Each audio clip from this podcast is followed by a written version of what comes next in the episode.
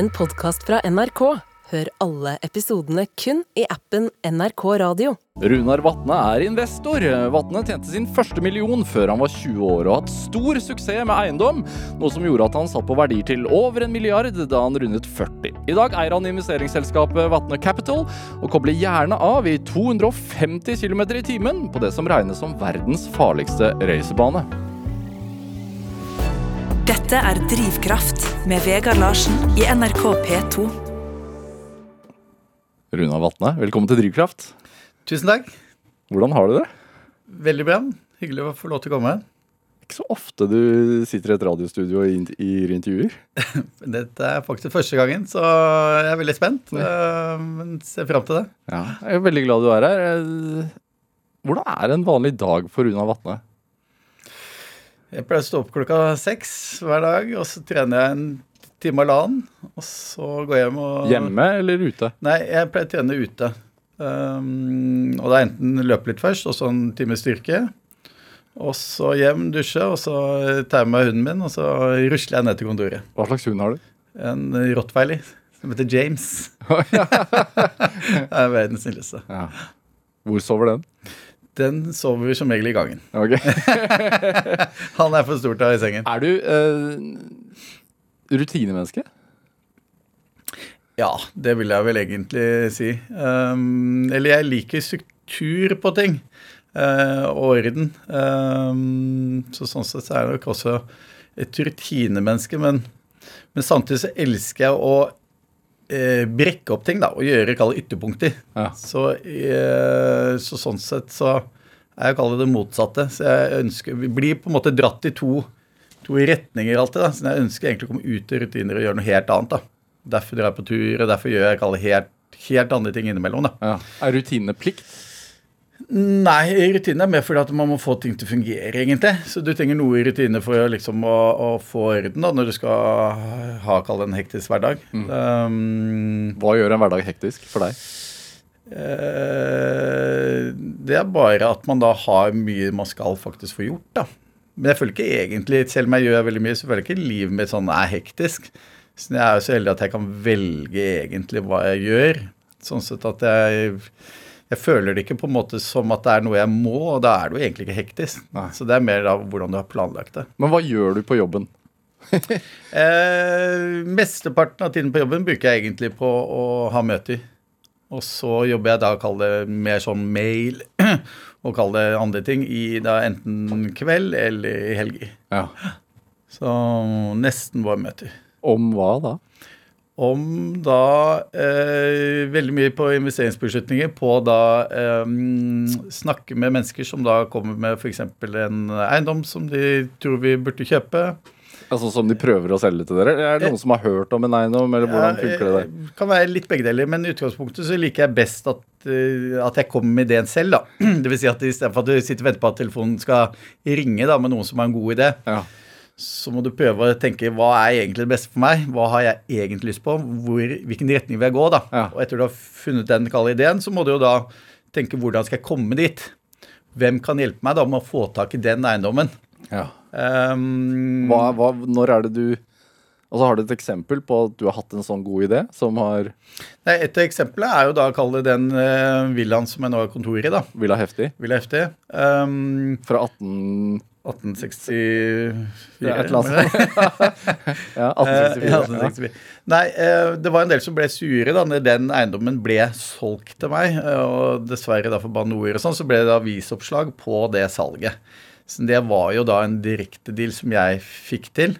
Um, og den var jo da eid av Kalle Bane NOR, eller Norsk Tog, da, siden den ble bygget. Ja. Uh, så det var en morsom historie. Men, men eh, poenget er at det, det var jo ikke at jeg fikk en telefon, og nå fikk du mulighet til å kjøpe den. Dette var en prosess som jeg hadde brukt nesten ti år på, på å få tak i denne eiendommen. Fordi at du har kjørt forbi og sett på den? Kjørt eller? forbi og vært der i forskjellige sammenhenger. Det har tidligere vært galleri, det har vært eh, kontor for han Bertrand. Det har liksom vært mange forskjellige ting. Ja. Uh, og uh, innimellom så har da Bane NOR brukt den selv, og noen ganger så har de da leid den ut. Um, og jeg har liksom vært på vært på vært på og prøvd å kjøpe, og hver gang har vært nei, nei, nei, nei. nei. Og så uh, hadde jeg funnet ut at uh, det selskapet som da eier togene og leaser ut det da til NSB igjen. Ja. De skulle flytte, så de hadde fått for liten plass. Så da var de i en prosess hvor de prøvde å leie ut. Og da tenkte jeg kanskje at timingen var god igjen. Så da prøvde jeg igjen, og plutselig så satt den. Um, og det føler jeg er en sånn viktig ting. Da. sånn er, det er så mange som egentlig i det det på en måte smeller, tenker at åh, men det ville jeg òg, eller det kunne jeg gjort. men, men, jobben starter som regel veldig lenge før. Ja. Så um, Er, er det en seier? Å få det bygget? Ja. Jeg vet ikke om jeg kaller det en seier, men det er jo veldig, det var, det er veldig gøy når du holdt på så lenge og på en måte har hatt lyst til det, Ja. eh, og da endelig klarer å oppnå det. Så, så det er jo på en måte sånn sett noe man burde feire, da. Men som regel når man da har fått til det, så er man jo kommet så langt videre på på, på neste deal eller det neste man holder på med. Ja. Så, um, Så prosessen, ikke selve gevinsten, som er vesentlig? ja, jeg vil si det, altså. Og eiendom er også veldig lange prosesser. En ting er at du da jobber med det lang tid før du faktisk klarer å få til en avtale, men, men fra vi er enige om det jeg kaller kjøp eller salget, da, så tar det nesten seks måneder til før du får den. Og da har det skjedd veldig mye annet nytt da, i løpet av den perioden. Så um, Hvordan er eh, markedet for eh, eiendom i dag i, i Norge? markedet for eiendom i dag er egentlig eh, hva skal vi si, usikkert, vil jeg vel egentlig si. Prisene har holdt seg relativt sett bra gjennom da fjoråret, selv om rentene har steget mye. Og det har gjort at folk har blitt litt skeptiske til at burde det kanskje falt litt mer. Mm. Um, så det er klart at man har utrolig mye større usikkerhet både på utvikling i økonomien, eh, lånebetingelser, renten har steget, så du får mindre avkastning på pengene dag én. Og så eh, føler du ikke da at rabatten er stor nok det er jo i forhold til på en måte den veien du nå er i, kontra for et år siden. Og det gjør at transaksjonsvolumet går ned. Um, så de siste seks månedene så har det vært nesten helt stopp. Ja. Og når det da blir mindre transaksjoner, så er det mindre referansepunkter, og det gjør igjen at du blir litt usikker. Så de tingene som da går, går kanskje litt for høyt, fordi at det er helt spesielle ting. fordi at en eller annen eier bygger ved siden av, må ha den, nå fikk han muligheten. Så da kjøper han kanskje litt for dyrt, tenker man. Um, så jeg vil litt si at det er preget av mye usikkerhet, da. Ja. Um, Mange sitter på gjerdet. Og mange sitter på gjerdet og venter. Ja. Så, um, Hvorfor er dette fascinerende for deg? Med eiendom eller med transaksjoner? Ja, det, vi kan starte med eiendom. Nei, eiendom er noe sånn håndfast som man egentlig kan reflektere og, og på en måte ta i og på en måte påvirke og forstå. Eh, samtidig så er det noe eh, Eiendom er på en måte folk egentlig flest. da. Der møter du alt fra han stakkaren som uh, har kanskje tatt seg vann over hodet og driver en liten pølsesjappe og ikke får det til å fungere, til at du sitter og forhandler med, kall det, en av sjefene i Norgesgruppen, eller for Nille, eller liksom en av de store, kall det proffe, da, hvor det er egne mennesker som bare forhandler leiekontrakter. Og du får da en ganske god forståelse for egentlig eh, hva omsetter bra, hva trender bra, eh, hvilke marginer har du da kalt på bøker, mat, klær. Ja. Eh, hva er forskjellen på om du skal ha en multibrand klesbutikk da, hvor du har masse sånn som Follestad, hva kan de betale i prosentleie? Hva kan da en monobrand-butikk, da, som jeg gjorde mye av i eh, promenaden Søylentiden, hva kan de betale? De kan kanskje gi deg det dobbelte. Ja. Hva er marginen til Louis Vuitton, da? I, til, til sammenligning med, som er hele verdikjeden, kontra da kalle en Follestad-butikk. Ja. Så, så en langsiktig plan det er sånn at du, hvis man kjøper en, en bygård med butikklokale, butikklokale og det ligger en eh, butikk som ikke har midler til å betale så mye leie, men du veit at Louis Vuitton har lyst til å komme inn der, så kan det være en god investering. Så kan det være en annen verdi. Ja. Um, Som du gjorde, da. Som en del av søylen. ja. Ja. Og det er jo det der med når du da eh, finner et bygg, da, så må du um, Så er det den enkleste tilnærmingen å si at de leieinntektene som er i den eiendommen i dag, det er kaller verdien til evig tid. Men det kan jo hende at du har en eller annen god idé da, om at du kan bytte ut en eller annen leietaker. da, At du har sett at den leietakeren i første etasje, da, som driver den kalde pølsesjappa, da, han er ikke flink nok. ikke sant? Det er liksom litt på vei ut, og det er eh, gammelt og dårlig. Så kanskje jeg kunne byttet ut da til si, kaffebinderi, da, siden beliggenheten er så god. Men da må du ha en forståelse av hvor mange mennesker er det egentlig som går forbi det hjørnet. Eh, hvor mye kan de omsette for? Og eh, hva kan de da betale i prosent av den omsetningen? Og det enkle er jo å kalle det sånn en vanlig restaurant, da, de skal betale ca. 10% i omsetningsleie. Og da er det bare ok, kan du finne en restaurant som da omsetter bedre enn den som er der, så har du jo da kanskje ja, eh, økt leien da med 50% eller 100 da. Ja. Um, Hva med de stakkars som har drevet butikk der i årevis, da? Ja, så Det er jo litt problemet, da, at hvis en, en person ikke er kallet, flink nok over tid, da, så eh, vil jo han sakte, men sikkert da eh, bli kallet, presset ut av markedet. da, Mm. eh, Og må finne da kallet, en, en annen beliggenhet eller en dårlig beliggenhet. Så, mens de som er flinke, og som da klarer å øke omsetning og marginer og sånn, vil jo da på en måte være vinnerne i det lange løp. da. Har du noe samvittighet overfor det? Overfor de? Nei, som I regel så på en måte løser det seg egentlig litt selv, da. Så det er klart at eh, en del av de driverne er jo dessverre ikke flinke nok. eh, og det, de kan kanskje ikke betale leie i det hele tatt, egentlig. Nei. Så de jobber kaller gratis i butikken sin og er litt sånn one man show. Um, og burde heller gjort noe annet. Det med, um, I Oslo nå så har vi jo Rundt Egertorget så er det jo poppet opp masse av disse mono... Hva kalte du det? Monobrand. Monobrand, Ja, ja. Altså de største merke, merkene i verden, egentlig, eh, ligger der. Hvor mye har du æren for det? Jeg vet ikke, Vi var jo tre partnere som da drev um, Søylen, som, de, som da igjen eide Promenaden. Og, uh, selvfølgelig, Vi har vel alle vår del av det, på en måte. Um, men veldig mye av de butikkene er det jo vi som på en måte har leid ut til. da. Ja. Hva var det der før? Um, da var det litt sånn ymse. Eh, mesteparten av da kaller de luksusbutikkene lå jo da i Bogstadveien. Og det var, eh, når vi begynte, så var det jo eh, nesten uhørt at noen skulle dra ned til Oslo sentrum. Eh, så når vi prøvde å selge ned til de forskjellige butikkonseptene, så sa alle bare glem det. Det er liksom, det er vi ikke interessert i. Og hovedgrunnen til at vi da begynte å satse på det, er at det, eh, vi hadde jo ikke da bare en, eh, de menneskene som bodde i Oslo, men man har jo også all turisttrafikken der nede på Karl Johan. Og det er ikke bare eh, utenlandske turister, men det er også norske turister som kommer fra Bergen og Trondheim og Stavanger og sånn. Eh, som gjorde at det, footfall, eller antall mennesker som gikk der, var jo nesten tre ganger så mye. Um, og det var jo da noe av grunnen til at vi hadde veldig tro på at dette kan vi etablere. Men det å bare starte én enkelt butikk, det hadde vi nok ikke fått til. Men med en gang vi klarte å kontrollere hele gater, hvor jeg kunne love deg at ok, du kommer inn, du får denne butikken, men ved siden av deg så har jeg kanskje to andre butikker som du ønsker å eh, bli assosiert med. Da eh, klarte vi liksom å snu det. Ja. Så, mm, så det var egentlig nøkkelen at vi fikk tak i nok eiendom, egentlig. Og da når den snøballen begynte å rulle, så gikk det litt mer av seg selv. Blir du stolt når du går i den gata selv? Nei, nei, egentlig ikke. Jeg tenker ikke noe på det. jeg er ikke sånn som person. Så Men dette er rutine. Dette er, det, dette er ditt vanlige virke. ja. eh, På et vis. En del av det. Ja. Når du setter deg inn i en, eh, en eh, bil i, på racerbanen i Tyskland, er, er det også en del av ditt vanlige virke? Eller er det da avkobling? Jeg føler vel det er med litt mer hobby, egentlig. Jeg kunne ønske at jeg kunne gjort det hele tiden, så det, hadde vært fantastisk. Hva heter den banen du kjører på? eh, Jeg kjører mest på Nubyring i Tyskland. Hva slags sted er det? Det er verdens eh, råeste racerbilbane.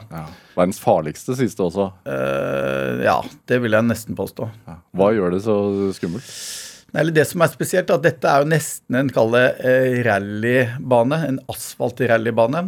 Um, så det gjør at den er jo ekstremt lang. Den er jo over to mil lang. eh, midt inne i skogen. Eh, den går opp og ned. Den har eh, 187 svinger. Um, som gjør at den er vanskelig til å huske til å begynne med. Det er nesten null avkjøringssoner, så du går i rett i ettervern eller i et eller annet tre. Ja. Um, det er mye eh, hopp opp og ned. Det er, og med hopp så mener jeg at bilen faktisk letter på alle fire hjulene. Hvordan føles det? Eh, ja, det er ganske fantastisk, da, så lenge du har kontroll. Det, så det er jo en, en bane som er ekstremt utfordrende og spennende, da. Som du liksom aldri får kjørt nok. Uh, hvor du alltid kaller lærer nye ting og, og alltid er litt usikker på kalle, hva og hvordan du treffer, da. Når var første gang du kjørte den? Ehm, jeg tror første gang var i 2007. Um, på en sånn turistenfartdag, som det heter. Hva er det?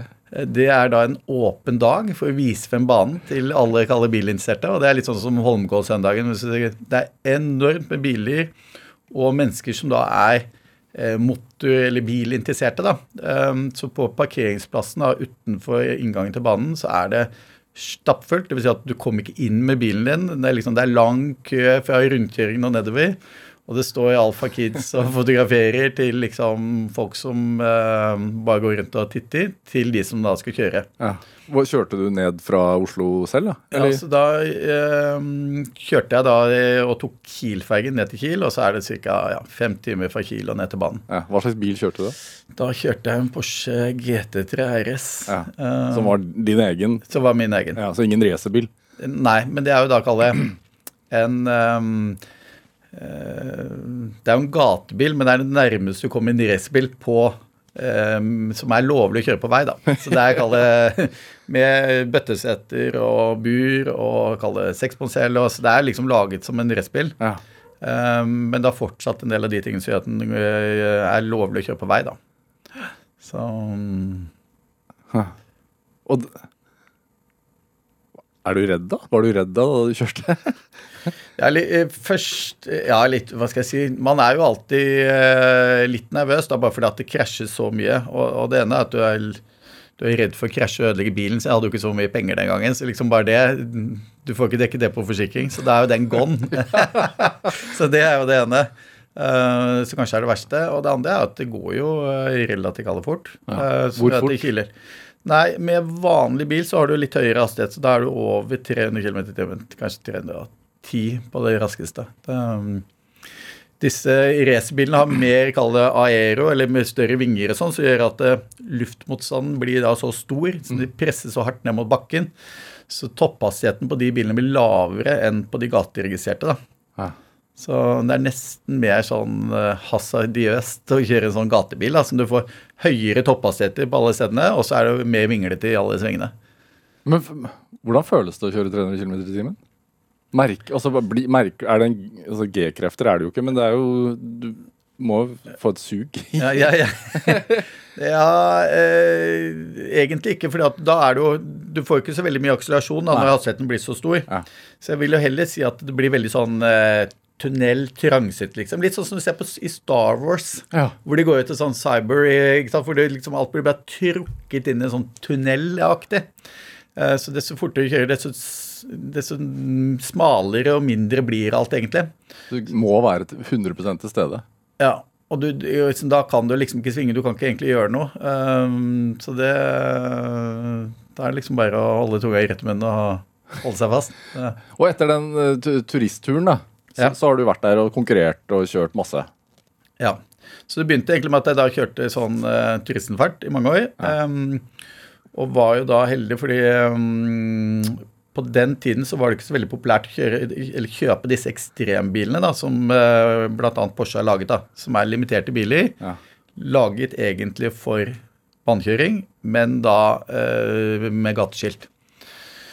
Så blant annet så fikk jeg da en bil i 2010 som da var limitert til 500 eksemplarer. Og, og da var det greit at jeg kjøpte det da, kall det kun for å ha på Nubering og kjøre der nede. På sånn turistfart. Så kjøpte jeg da og, Det er en dyr hobby. ja, men egentlig så er det ikke så gærent. da. Sen, du, um, årskort den gang kostet jeg tror det var 12 000 kroner. Og den bilen er laget for å bruke, så den bruker du ikke opp. Du kjøper noen nye dekk, det kostet 12 000 kroner den gangen. Uh, og noen nye kalde bremseklosser. Du har ikke barnesete i den. Den uh, er det ikke plass til barnesett i. og så er jo dette biler da, som faktisk har steget i verdi. Ja. Så, så den kjøringen var jo nesten kalle gratis. Så den ene bilen da fra 2010, der fikk jeg jo da en mail fra Jan Cohen. Eh, Kjenner du den? Nei, hvem er det? Det var helt sykt. Dette var da i 2018. Så får jeg en mail. Um, uh, Dear Runar, sorry to intrude your mailbox. This is Jan Cohen. Uh, Cohen. I'm the CEO and founder of WhatsApp. og så skriver han da hele historien sin, um, hvor han kom fra, uh, og hvordan han var oppvokst, og hvordan han da hadde hatt da denne Porsche-plakaten på rommet da han vokste opp. da. Um, og nå har han da blitt verdens største Porsche-samler. Og akkurat den ene bilen, den ville han da kalle ha. Uh, og inviterte meg over, da. Så jeg var i San Francisco, besøkte han der. Og, og da var han jo da kjøpt opp av, uh, av Facebook, ble jo bestevenn med Mark Zuckerberg.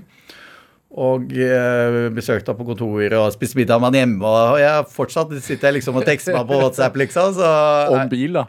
om bil, eller sist gang så var det faktisk at han var her under korona. Nei, beklager, ikke under korona.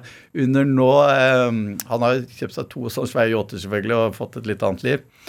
Og så etter Ukraina-krigen og alle de problemene med russegreiene, så hadde han da problemer med å få drivstoff på båten sin. Så han bare ja, trengte hjelp, egentlig.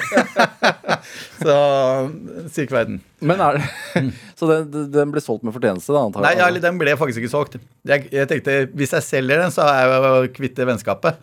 Så jeg må jo holde på den, sånn at folk som driver tekster meg hele tiden. Det er jo mye mer gøy. Er det, men hva er det det gir? Er det, er det en ro?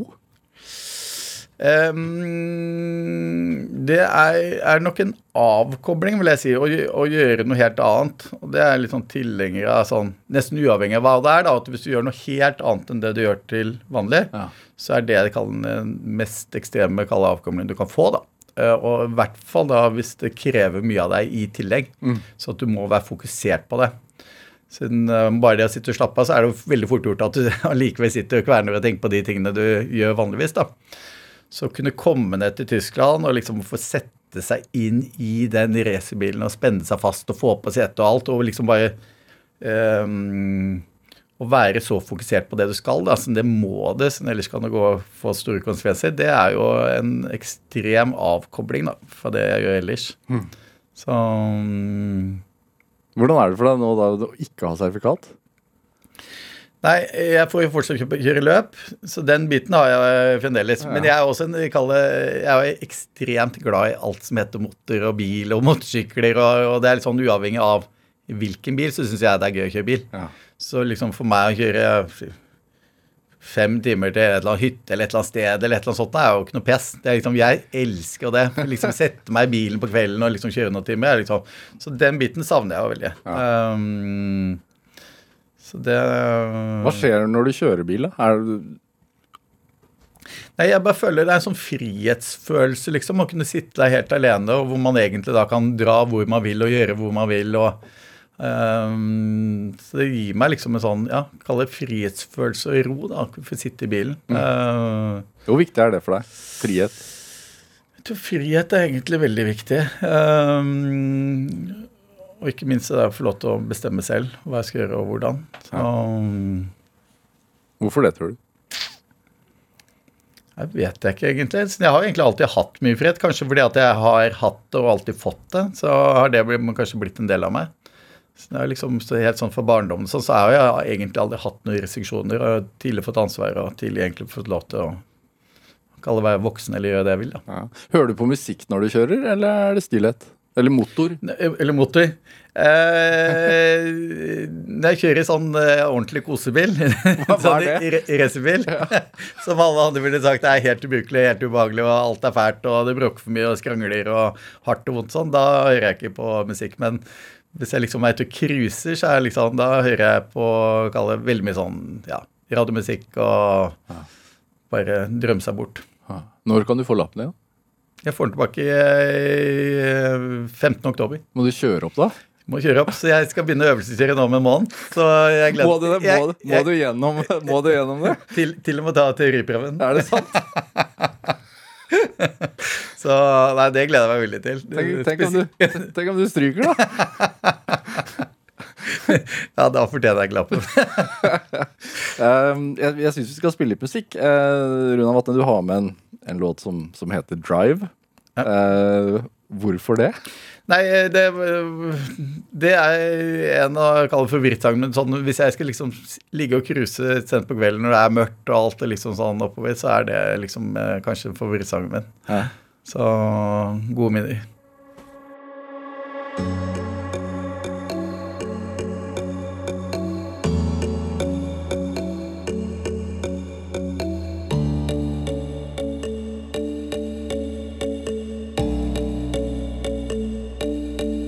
I can't go fast enough.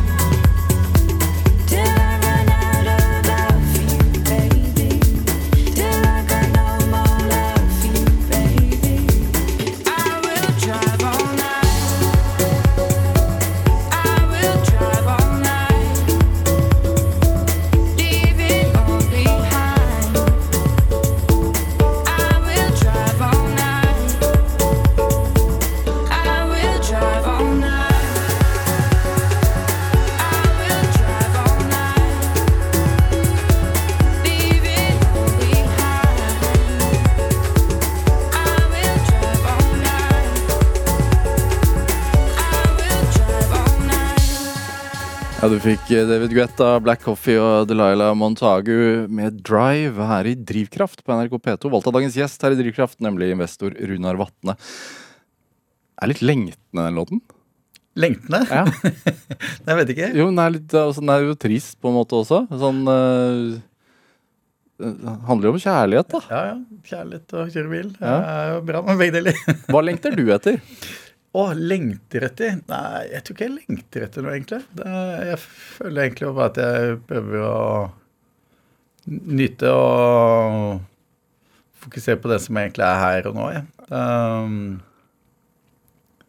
Når, når hadde du sånn, mål, et mål som du lengtet etter sist? Oi, er det liksom å dra på en tur, liksom? Eller et eller annet sånt? Eller, eller helt generelt? Nei, jeg har jo egentlig hele tiden ting jeg har lyst til å gjøre. Som egentlig alle drømmer og gleder meg til å gjøre, egentlig. Um, så egentlig hvert år starter jeg egentlig året med å liksom tenke ok, hva, hva skal jeg gjøre annerledes enn i fjor? Uh, hva kan jeg finne på nytt som jeg ikke har prøvd før? Uh, Som for eksempel? Nei, akkurat sånn som nå i år, da, så um, skal jeg lære meg å kalle det å sykle. og ikke sånn sykle for sykle, liksom, men å sykle langt. Så det har jeg liksom aldri gjort. Så da har jeg fått med alle gutta på kontoret. Vi skal sykle 20 mil da, en dag og 3000 høydemeter på Mallorca, hvor vi liksom begynner klokka fem om morgenen, og så går vi rett til lunsj klokka tre. Ja. Og det er liksom bare for å komme over en sånn barriere, da. Sånn akkurat, hvis jeg skulle gått ut i dag, så syns jeg det er pes å sykle to timer. Det, det syns jeg høres langt ut, liksom. Så mm, liksom bare bryte noen barrierer og komme, liksom, utvikle seg, da. Ja. Det syns jeg er veldig gøy. Hvorfor har du satsa med sånn, tror du? Nei, det vet jeg ikke. Det uh, må ha vært et eller annet som uh, gikk bra eller galt en eller annen gang. Men altså, du er fra um, Født i Molde. Eh, og, men du har vokst opp først på Jæren og så i Oslo, eller hvordan er det der? Ja, eh, ja, i prinsippet så er jeg jo da eh, oppvokst på Slemdal. Eh, men har jo brukt alle kalle mine ferier, liksom hele sommerferier og alle ferier og sånn, på da en bitte liten bondegård på Jæren, som moren min kom fra. Ja. Eh, så det var liksom Vi hadde ikke råd til eh, ferie, så jeg var liksom var ikke utlandet før jeg var 18, liksom. Det, det var liksom der vi var. Ja. Um, Mormor og morfar var der, da? Eller? ja. Hva, hva slags gård? Ja, det var en bitte liten sånn uh, Det med melkekyr. Uh, og Jæren er jo litt sånn gudsforlatt sted, egentlig. Det er forblåst, det er dårlig vær, og alle har sett disse steingjerdene. Og det er jo fordi at all marken er jo full av stein, så bare det der liksom å skaffe seg en liten sånn der eh, gressflekk hvor du kan få tak i noe høy, det er liksom det er, det er en jobb altså, som tar lang tid. Eh, men fantastisk mye gode, gode, bra minner fra hele den tiden. Hva var det det ga deg da, som Slemdal-gutt? Nei, Jeg tror egentlig det viktigste er den der kalle eh, positiviteten rundt det der å jobbe. da, At det ikke er noe negativt. Um, så for første på en Bondeguy så er jo alle med og bidrar. Ja. Um, og som liten gutt så er det ekstremt gøy. Eh, Du får lov til å være med på gale voksenting. Du får lov til å gjøre ting, og fikk, vi fikk kjøre bil, og vi fikk kjøre traktor, og vi fikk være med å mekke og sveise og, og, kalle lære ting, da. Um, Er det der interessen ble sådd, holdt jeg på å si? jeg jeg tror hele den bilgreiene kommer litt fra det bondegreiene, egentlig. Og jeg husker fetteren min hadde et sånn bilde av en sånn Lamborghini-plakat eh, på, på veggen, så jeg liksom husker den dag i dag. Uh, og det er jo veldig sånn kalle mekkete, liksom. Vi brukte jo veldig mye av ettermiddagen liksom, på å mekke alt fra motorsykler til traktor til kalle gamle biler og herre og holde på. Ja. Men den der ehm, positiviteten rundt det der å jobbe tror jeg liksom er spesiell. Jeg husker uh, det var én forutsetning for å være med ute i fjøset på morgenen. Det var at du klarte å stå opp selv. Ikke sant? At du da klarte å komme deg opp klokka halv seks. og Vi hadde ikke liksom noen mobil med vekkerklokke og sånn. Ble ikke vekka Du for å ble ikke vekket, ut? så hvis du ikke klarte å komme deg opp, liksom, så fikk du ikke være med. Så det var ikke sånn at du måtte være med, eller noen tvang deg til å være med. Ikke sant? Dette var noe du hadde lyst til. Um, og det er nok en ting som liksom har blitt sånn iboende i meg. For meg er ikke jobb pes. Jeg føler meg heldig hvis jeg liksom får lov til å ha en jobb. Og uavhengig av hva jeg da skal gjøre, så vil jeg liksom gjøre det beste jeg kan. Um, og har da alltid etter det hatt veldig mye kalle forskjellige jobber. Hva da? Uh, ja, jeg har um, Mutter'n leide meg ut til vennene sine som vaskehjelp i tidlig alder. Hvor, hvor tidlig? Nei, da var jeg kanskje eh, syv år gammel eller noe sånt nå.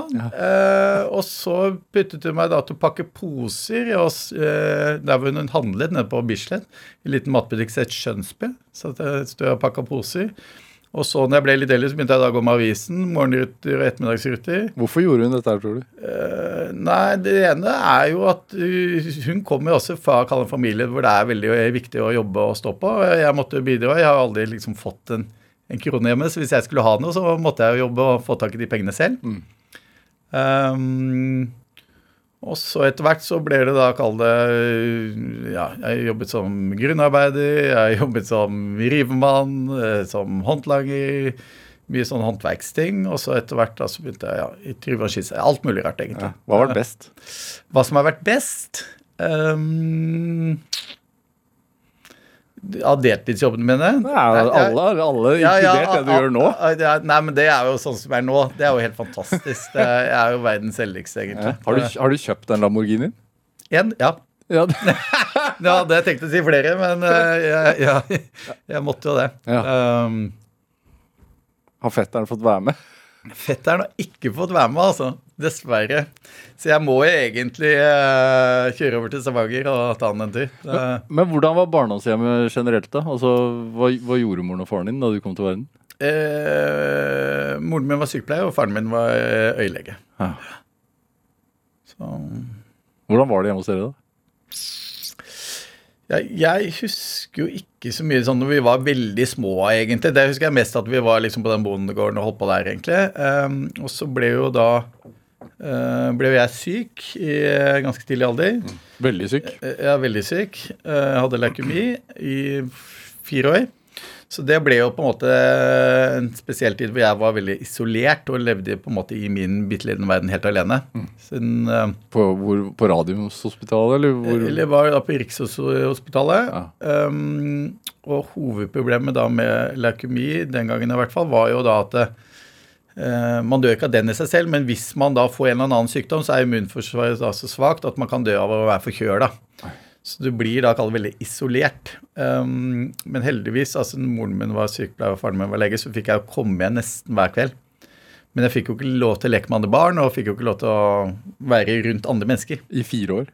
Ja, ikke fullt fire, men de, de første i hvert fall eh, par. Oi.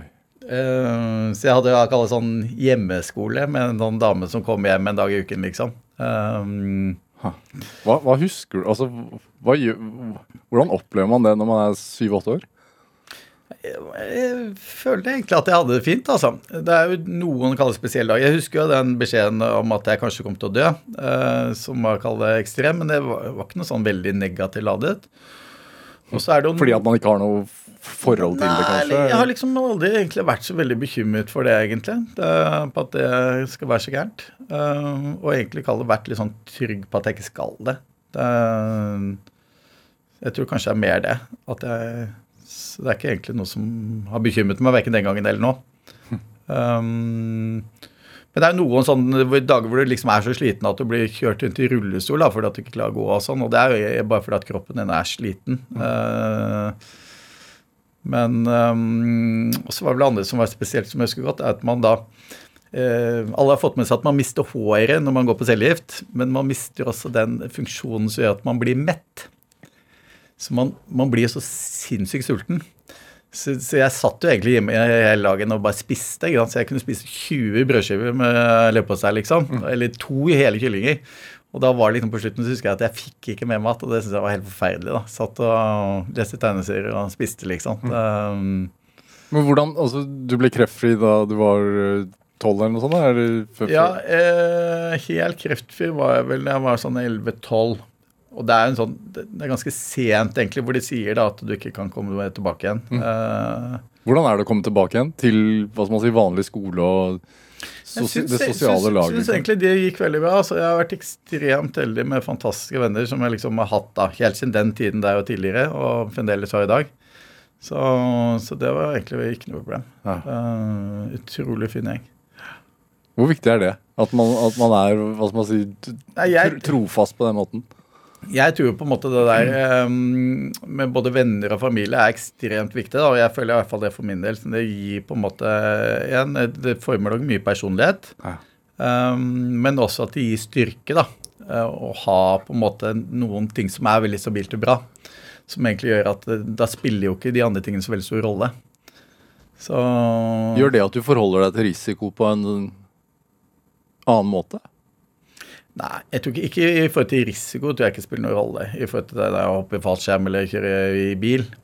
Men, Men- transaksjoner, da? Men jeg, nei, og heller ikke kalle det transaksjoner. Men jeg tror mer sånn at sånn som nå, når jeg har fått mye PS da i media liksom siste halvår år eller to, liksom, så, så, spiller ikke det så stor rolle for meg. Siden jeg vet liksom at eh, jeg og på en måte mine liksom vet jo hvem jeg er og hvordan egentlig.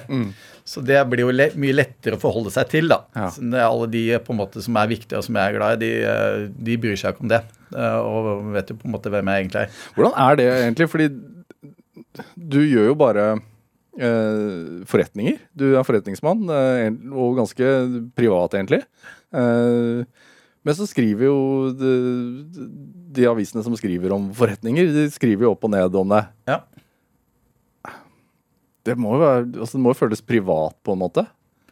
Eh, Ja, ja, ofte, ofte så gir du ikke noen kommentarer heller. Nei, og i utgangspunktet så er, føler man jo egentlig kalle det, men, men samtidig, jeg har jo på en måte respekt for det at når man først har blitt en kalle litt offentlig person, da, som jeg har, så eh, må man også da tåle da, at ting kalle det blir eh, skrevet om, da, uavhengig om man vil eller ikke vil, og det er ikke sånn at jeg bare kan velge hva, hva jeg har lyst til at det skal bli skal eh, publisert noe på. Um, så det er jo, eh, er jo egentlig noe man bare må akseptere når man først har kommet dit hvor jeg har. Ja. Um, Når er det de begynner å fatte interesse? vet jeg ikke egentlig, og, og det er sikkert en sånn totalpakke da, i forhold til da, hva man har gjort da, av ting som fatter allmennhetens interesse. Ja. Um, så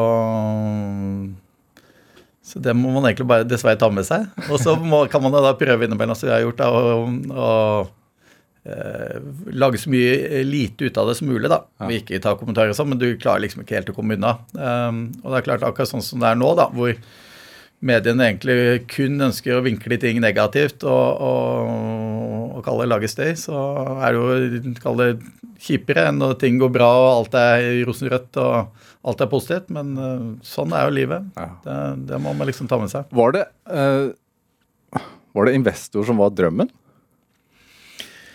Eller var ikke det som var tanken. Når jeg var kall det liten, så drømte jeg om å bli yrkesmilitær. Så det var egentlig kall drømmen. Så det var egentlig Jeg vet ikke når jeg liksom tenkte det at jeg måtte begynne å kalle det tjene penger eller bli investor og sånn. Det var nok en sånn glidende greie, egentlig, som kom sånn sakte, men sikkert på. Um, og kanskje ikke før jeg egentlig begynte å jobbe i Pareto, hvor jeg da liksom tenkte at ok, dette er litt snevert å bare holde på med aksjer og opsjoner og sånne ting, som jeg gjorde da som marketmaker der. Men la oss prøve å gjøre det litt bredere, da. Man kan favne et større felt og få litt mer bredde på ting, da. Hva er det som er Fordi jeg tenker jo at har jeg god nok råd til å kjøpe mat til unga, ferietur og sånn, så er jeg happy. Men Hvordan ser du på sånn verdiskapning og, og inntjening? Ja, i forhold til eh, at, å være happy, liksom. Ja. Nei, jeg har jo nok penger, utvilsomt, eh, til å kalle være happy. Ja. Så for meg så er det ikke sånn at jeg nå går ut og kaller gjør en ny kalle deal for at jeg liksom skal kjøpe meg en eller annen ny ting. Det, så nå dreier det seg mer om da å prøve å skape et eller annet og få til noe. Ja. Um, og skape noe sammen med de jeg jobber med på kontoret. Uh, så kalle det selskapet og de pengene som egentlig blir der, det er jo mest sannsynlig ikke noe penger jeg skal ha, eller, og mest sannsynlig ikke noe sånn datteren min skal ha. Så hva det egentlig blir ut av det, det vet jeg jo ikke. Så det er jo mer det at man har lyst til å klare å få til noe og skape noe. Um, Skape som egentlig er gøy. Nei, eh, og det er jo da å kalle øh, Å skape da kalle nye transaksjoner eller nye dealene, eller få det selskapet til å fungere og bli bra. Ja. Um, og der er det jo sånn at for hver, kall det uh, nye ting man gjør, så kommer man opp til et ny, nytt nivå, så gir deg nye muligheter å jobbe med enda flinkere mennesker, enda mer spennende dealer, som gjør det enda mer gøy, da. Ja. Um, så det er jo på en måte noe av fra at jeg liksom sto selv og liksom var pusset opp en sånn liten ettromsleilighet som kosta 1,1 million, liksom, og sånn, så syns jeg det var fantastisk gøy. ja, for det var første Ja. leiligheten du hva, flippa? Er det ikke det Ja, det er det man sier, liksom. Til at man nå liksom får være med og jobbe med utrolig flinke mennesker, da. Ja. På mye mer kalde komplekser, kalde dealer og problemstillinger. Eh, Det er jo noe av det som er gøy. Hvorfor ble du ikke yrkesmilitær, da? Nei, der var det jo egentlig sånn tilfeldighetens greie. Jeg hadde jo da vært på eh, opptaksprøve på noe som heter Oppklaringsskvadronen på Trandum. Um, og der var det de beste som gikk der, jeg husker ikke, det var to-tre stykker, fikk komme inn på da fallskjermjegerskolen. Og da var problemet at da måtte vi innom eh, en helt ny, kall det, eh, opptaksperiode da, på eh, fallskjermjegerne. Og da eh, tar man nye tester, da, som er alt fra sånn syn, hørsel, og en av de testene er også hud. Ja. Og etter at jeg da hadde vært ferdig med den første runden da, på oppklaringsskvadronen, så hadde jeg fått så mye eksem etter å ha pusset våpen og vaska gulv og sånn. Så jeg ble faktisk dimittert på det. Så det var liksom helt sykt. Um, og det var jo på en måte for meg den gangen kjipt. Jeg hadde jo ikke noen annen plan. Det var liksom der jeg ville være. Så, um, så det var jo døvt. Men uh, da måtte vi finne på noe nytt. Hva gjorde du da? da? Nei, så da var jeg egentlig Jeg jo, eh, jeg var ikke noe flink på skolen tidligere og hadde egentlig eh, vist alle liten interesse, så jeg hadde jo strøket en del fag og på en måte jeg, ikke egentlig tenkt at det skulle føre meg noe videre, da, som jeg egentlig hadde tenkt å være i militæret. Er det et også Unnskyld at jeg avbryter deg nå, men jeg tenker sånn ikke så flink på sone, ikke vist interesse for det. Når du har vært dødssyk da, i fem år, så er det kanskje et resultat av det. Det ville i hvert fall jeg tenkt. Sånn, Hva er poenget? Hva, hva er poenget? Ja, egentlig så føler jeg ikke det. det var, men jeg tror ikke heller det der at um, den perioden hvor jeg var hjemme da, og hadde hjemmeskole, Ja. så ble jeg kallet litt lur. Så det var lett å si at jeg var litt sliten eller litt syk. Så jeg klarte å lure meg litt unna. Så det ble jeg kallet litt hverdagen min. Og så er jeg på en måte litt lett for spesielt alle sånne talfag og sånn, så jeg klarte å lure meg gjennom egentlig kall skolen i veldig mange år uten egentlig å være der noe særlig. Og så var da problemet på videregående at da hadde jeg rett, jeg var rett og slett for mye borte. Hadde for mye fravær. Det, så jeg ble kall det strøket pga. det. Um, Men nei, så etter det så måtte jeg da faktisk bestemme meg for at eh, ok, nå må det liksom prøve å, å gjøre noe. Så da endte jeg opp med å eh, sitte på, um, på Ullevål stadion. Det er noen lesesaler. Så tok jeg opp eh, 14 fag på tre måneder. Um, og da endelig gikk det kall veldig mye bedre, og, og det ble en sånn kjempe selvtillitsboost. da. Eh, hvor jeg på en måte så hvor lett det egentlig var. Er du, hvor sterkt konkurranseinstinkt har du? Jeg vet egentlig ikke noe sånn voldsomt. Jeg er ikke så opptatt av å vinne, egentlig. Jeg er ikke noe sånn at jeg må vinne. Jeg er mer opptatt av egentlig å få til ting. Ehm, så jeg er mer opptatt av på en måte være, kall det, bra nok, enn at jeg må være, kalle det, best. Det er ikke noe å kalle det sånn Men jeg ønsker å være på en måte bra, og jeg ønsker å gjøre alle de tingene jeg skal. Uh, det beste jeg kan. Ja, Så du setter standarden selv? egentlig standarden selv, og jeg er mest opptatt av på en måte det enn egentlig at jeg bør ikke være noe bedre enn deg. Liksom, jeg syns egentlig det er hyggelig hvis du er bedre, men jeg vil jo ikke være dårlig. Men, men jeg har absolutt ikke noe behov for å være best. Um, og jeg er nok mer sånn at jeg har lyst til å være god i veldig mange ting enn bare å være flink til eller best i én ting, og så ikke kunne noe annet. Det med den oppdragelsen din som tidvis er på jern med hardt arbeid og sånn. Du, blitt, du er jo pappa selv. Ja. Tenker man at man skal overføre det til neste generasjon? Jeg tror på en måte at de tingene er veldig viktige da, eh, som sånn verdigrunnlag. Og det er jo egentlig to ting som har preget det. og Det ene er at jeg liksom aldri har hatt noe hjelp. Selv om jeg da på en måte har vært alenepappa på 50% Så hun har vært med, eller hun har sett meg gjøre alt. ikke sant, og Vaske klær og vaske ting. og Hun har vært med ikke sant, fra tidlig alder, så må hun vaske sine egne klær og gjøre alle de tingene der. da. Eh, Sånn at det på en måte er en naturlig del. Og det andre er at hun eh, vasker nå dassen på kontoret en gang i uken. eh, som Sånn som du gjorde? Sånn som jeg egentlig gjorde. Så, og, og gjør det, og det funker bra. Og det, hun får ikke kalle ukepenger, hun får betalt for den jobben hun gjør. Og da tjener hun jo eh, mer enn det de andre får sikkert i ukepenger. Men har lært seg på en måte hvordan det egentlig henger sammen. Det har blitt en sånn positiv greie. Og så er det ikke noe sånn at hun trenger å gjøre det resten av livet, men, men det å gjøre det noen år, da, gjør jo at uh, alt annet blir litt lettere. Så um... Hva tenker du om den derre øh, Hva skal man si Samfunnspraten om at, øh, at det er litt sånn negativt å tjene penger og bli rik.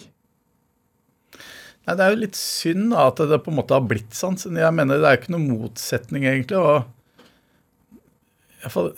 Jeg ønsker på en måte at alle egentlig skal bli det beste vi kan. da, Og at vi to er et team, liksom, for at vi liksom skal få det bedre her i verden. Eh, og der har vi jo alle forskjellige roller å fylle. Um, og derfor burde vi heie på alle, uavhengig på en måte hvilken rolle de egentlig har. Så at det fungerer best mulig. Um, Men har du merket en endring? ikke, ikke jeg direkte i mitt liv, men, men i forhold til mediene så syns jeg på en måte den utviklingen har blitt veldig eh, veldig dårlig i forhold til at det liksom har blitt to motpoler egentlig mot hverandre, eh, som har blitt veldig negativ.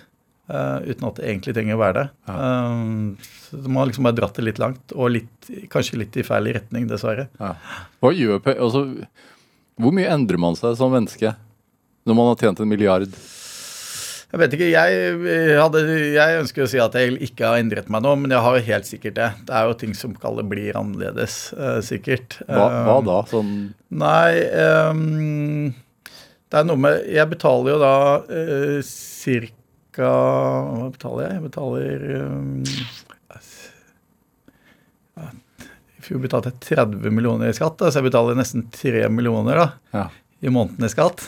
Så det er klart uh, Noe av, kall det Av de småregningene må jeg liksom la gå. Ikke sant? Jeg blir også deppa egentlig når jeg får en parkeringsbot. Nei, men liksom, det er liksom, det men, men ikke sant, jeg betaler da liksom eh, så mye penger til helt andre ting som egentlig er gal utenfor min kontroll. da. At du må liksom prøve å la noen andre ting gå.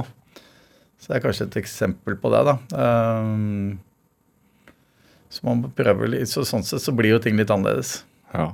Men, men det er viktig da å prøve å bevare på en måte det der den normale kalde tilstanden og prøve liksom å, å distansere seg fra det. fordi at det, Hvis du ser på livet som en sånn sirkel av hvor alle vi egentlig er i, dette er kaller samfunnet, så, så, er, så tror jeg det er ekstremt farlig å å flytte seg selv eller bevege seg utenfor den sirkelen. Så en, eh, man trenger kalle det samme referansegrunnlag for å kunne fungere sammen sosialt. Og det er bra at vi to kan connecte på at eh, vi er deppa over den parkeringsbåten, egentlig. Er liksom, eh, at man føler de samme tingene. Ja. Så mm, Hva er de største utfordringene akkurat nå, da, som i, i yrket ditt? Nei, Det er rett og slett bare usikkerhet. da, At du er usikker rundt rammebetingelser på de kalde beslutningene du skal ta. Ja. Uh, man er litt usikker på hvordan verden kommer til å bli. og Man er usikker på hvordan renten går, og man er usikker på hvordan det går med inflasjon, og man er usikker på hvilke kall det, eh, vilkår du får da fra samarbeidspartnerne dine. Ja. Er det, ser du på det som en positiv utfordring? Altså, er det en gøy utfordring? Um, utgangspunktet så syns jeg det er bra med kalde utfordringer, men, men, men det er bedre å kalle det i et investeringsperspektiv. da, Å ha be, eller mer stabile rammevilkår. Utvilsomt. Lettere. Um, eller så må du da kalle få ting til en billigere pris, da, sånn at du kan ta høyde for den usikkerheten som egentlig er der. Ja. Og akkurat sånn som det er i dag, så føler jeg ikke at det er det. Da burde ting vært kalle, kanskje litt billigere. Det med uh, eventyrtrangen din, Ja. hvor kommer den fra? Du har prøvd å klatre Mount Everest et par ganger, veit jeg, og du har gjort mange sånne ekspedisjoner. Nei, jeg tror eh, det er et sånn todelt ene er den der kalde, kalle militærgreiene mine, da, hvor jeg egentlig i ganske tidlig alder var da i et miljø hvor vi var veldig mye ute i skogen og sov ute, eh, og syns det er fantastisk fint og gøy. Um, Gjør du det ennå? Eh, og, og gjør jo det ennå. Um, og jeg er jo nesten en måned i telt i året. Um, så det er klart, så det er en sånn frihetsgreie. Jeg husker det jeg var, kalle, bodde hjemme. da, så eh, På julaften eksempel, så stakk vi alltid ut hele gjengen. liksom, Med en gang pakkene var ferdig, og løp ut og sov ute i skogen og tente bål og drakk whisky og bytta gaver og holdt på. liksom. Så Det var liksom vårt sånt frihetsområde. Um, Det enkleste. Det enkleste, ja. Og så er jeg veldig glad i å kalle alt det ytterpunkter. da. Ja. Så med en gang du gjør kalle ytterpunkt i livet, så får du litt mer perspektiv. Så setter du litt mer pris på begge deler. Så um, Går du helst på tur sammen med noen, eller aleine? Nei, nei, som regel så går jeg sammen med noen. Men uh, du har ganske mye tid på en sånn ekspedisjon, da, fordi at det, det er ikke så mye å finne på på kvelden. så du du legger deg tidlig, da, og du, du ligger jo da i den soveposen din i et eget telt i tolv timer hver dag. liksom. Så, um, og mye av dagen går du også alene, fordi at du, uh, det er såpass slitsomt da, at du går liksom ikke og småprater hele veien. Så, um, og det er, for meg så er iallfall det eh, veldig bra, da, å få tid alene og få tenkt på ting og, og bygge ut, kall det, energi. da. Hva er fint med det, da? Nei, det er fint å få tid til å reflektere på alt mulig gøy her i livet. Det, jeg elsker egentlig det, å få eh, faktisk sitte og kverne i mitt eget hode. Ja. Jeg føler livet ellers hos meg er jo så busy. Det er liksom, da, da går det alltid egentlig fra hva jeg kaller møte til møte eller ting til ting, og hvor jeg egentlig da må bruke mye tid på å uh, forberede meg og fokusere på det som egentlig skal skje. Ja. Um, og jeg er jo sånn at jeg jeg tror man må bruke tid på ting for å kalle det bli flink. Jeg tror ikke du liksom bare kan uh, møte opp eller på et eller annet eller finne på å kalle det en eller annen ny deal, at det bare detter ned i fanget på deg. Jeg tror faktisk du da må sitte og prøve å tenke hva og hvordan og hvorfor, hvor er det jeg skal få tak i dette. Uh, og hvis du først da finner dette bygget, eller du kjører forbi det, eller tenker at dette må være en mulighet, da, og så er du kanskje litt usikker selv i forbindelse med et eller annet, da, da må du ringe noen. Så du kunne eksempel, ok, jeg ringer til Runar, jeg vet han hadde litt peiling. Så spør du meg, ok, hva, hva tror du? Ja. Så, så sier du, ja, jeg synes dette er bra, men det er kanskje litt dårlig igjen. Ok, ble jeg ikke helt smart, ok, må ringe en til. Hvor irriterende blir du når du har bestemt deg for noe? Jeg vet ikke om jeg er så irriterende da, egentlig. Altså, jeg tror egentlig det er mer det at jeg er flink til faktisk klare å få gjennomført ting. da. Ja. At jeg er en uh, stor gjennomføringskraft. da. At det er stor sannsynlighet for at det faktisk har kommet i mål. Uh, Masing? Nei, mer iherdig jobbing, liksom. At du ikke gir deg, liksom. Du må bare prøve, og så med en gang du får kalle nei, eller du møter noe der, så må du finne Da må du prøve et annet sted, eller ny vinkler, ringe noen andre, eller liksom Du må ikke liksom gi deg, da. Du må liksom prøve å, å jobbe videre og, og faktisk komme i mål. To ganger du ikke har kommet til toppen på Everest, da? Oh, ja, Det er kanskje ikke meningen. Jeg tenkte nesten sånn sist, så det var veldig uflaks. Men uh... Men øh, gnager det da? nei, det gjør ikke det egentlig, altså. Um, da tenker jeg mer sånn Kanskje jeg skal egentlig finne på noe helt annet. Og jeg følte Sist gang så var jeg da oppe i camp 3. Uh, selvfølgelig liksom jeg har smakt mye på hva, hvordan og skjønt på hva det egentlig er. Så kanskje jeg skal finne på noe helt annet. Ja. Um, Runa Vatne, hva hva er drivkraften din? Hva er det som driver deg? Jeg tror egentlig bare at jeg elsker livet. og liksom, Jeg våkner hver morgen litt sånn Jeg snakket om da, at det liksom, jeg, den der følelsen for at jeg måtte klare å stå opp selv om morgenen for å få lov til å være med ut i fjøset og jobbe klokka halv seks om morgenen. Sånn har jeg det hver morgen. liksom. Jeg våkner av meg selv klokka seks. Jeg har lyst til å stå opp. Jeg gleder meg til å stå opp. Det er liksom Uh, Og hva er fjøset? Og hva er Fjøset er jo nå blitt da, eh, kontorene nede på Munkedansveien 62, så det det er en glede å gå dit hver dag. Ja. Runa Vatne, tusen, tusen takk for at du kom hit til Drivkraft. tusen takk for at jeg fikk komme. Hør flere samtaler i Drivkraft på nrk.no, eller i appen NRK Radio.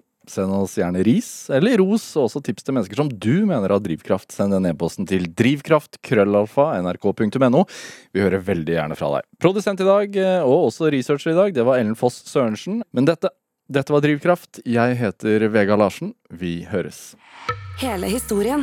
En podkast fra NRK. Mange pasienter frykter at de har blitt operert av legen som står eh, bak feiloperasjoner på Sørlandet. I elleve år skjærer en lege i kropper uten å ha riktig utdanning. Så sier han bare det er koldbrann. Og så var det bare til med kniven og så kutte. På et lite sykehus blir flere titalls pasienter skadet for livet, og noen dør. Da tenkte jeg bare Har han ødelagt hele livet for meg? Hør kirurgen i appen NRK Radio.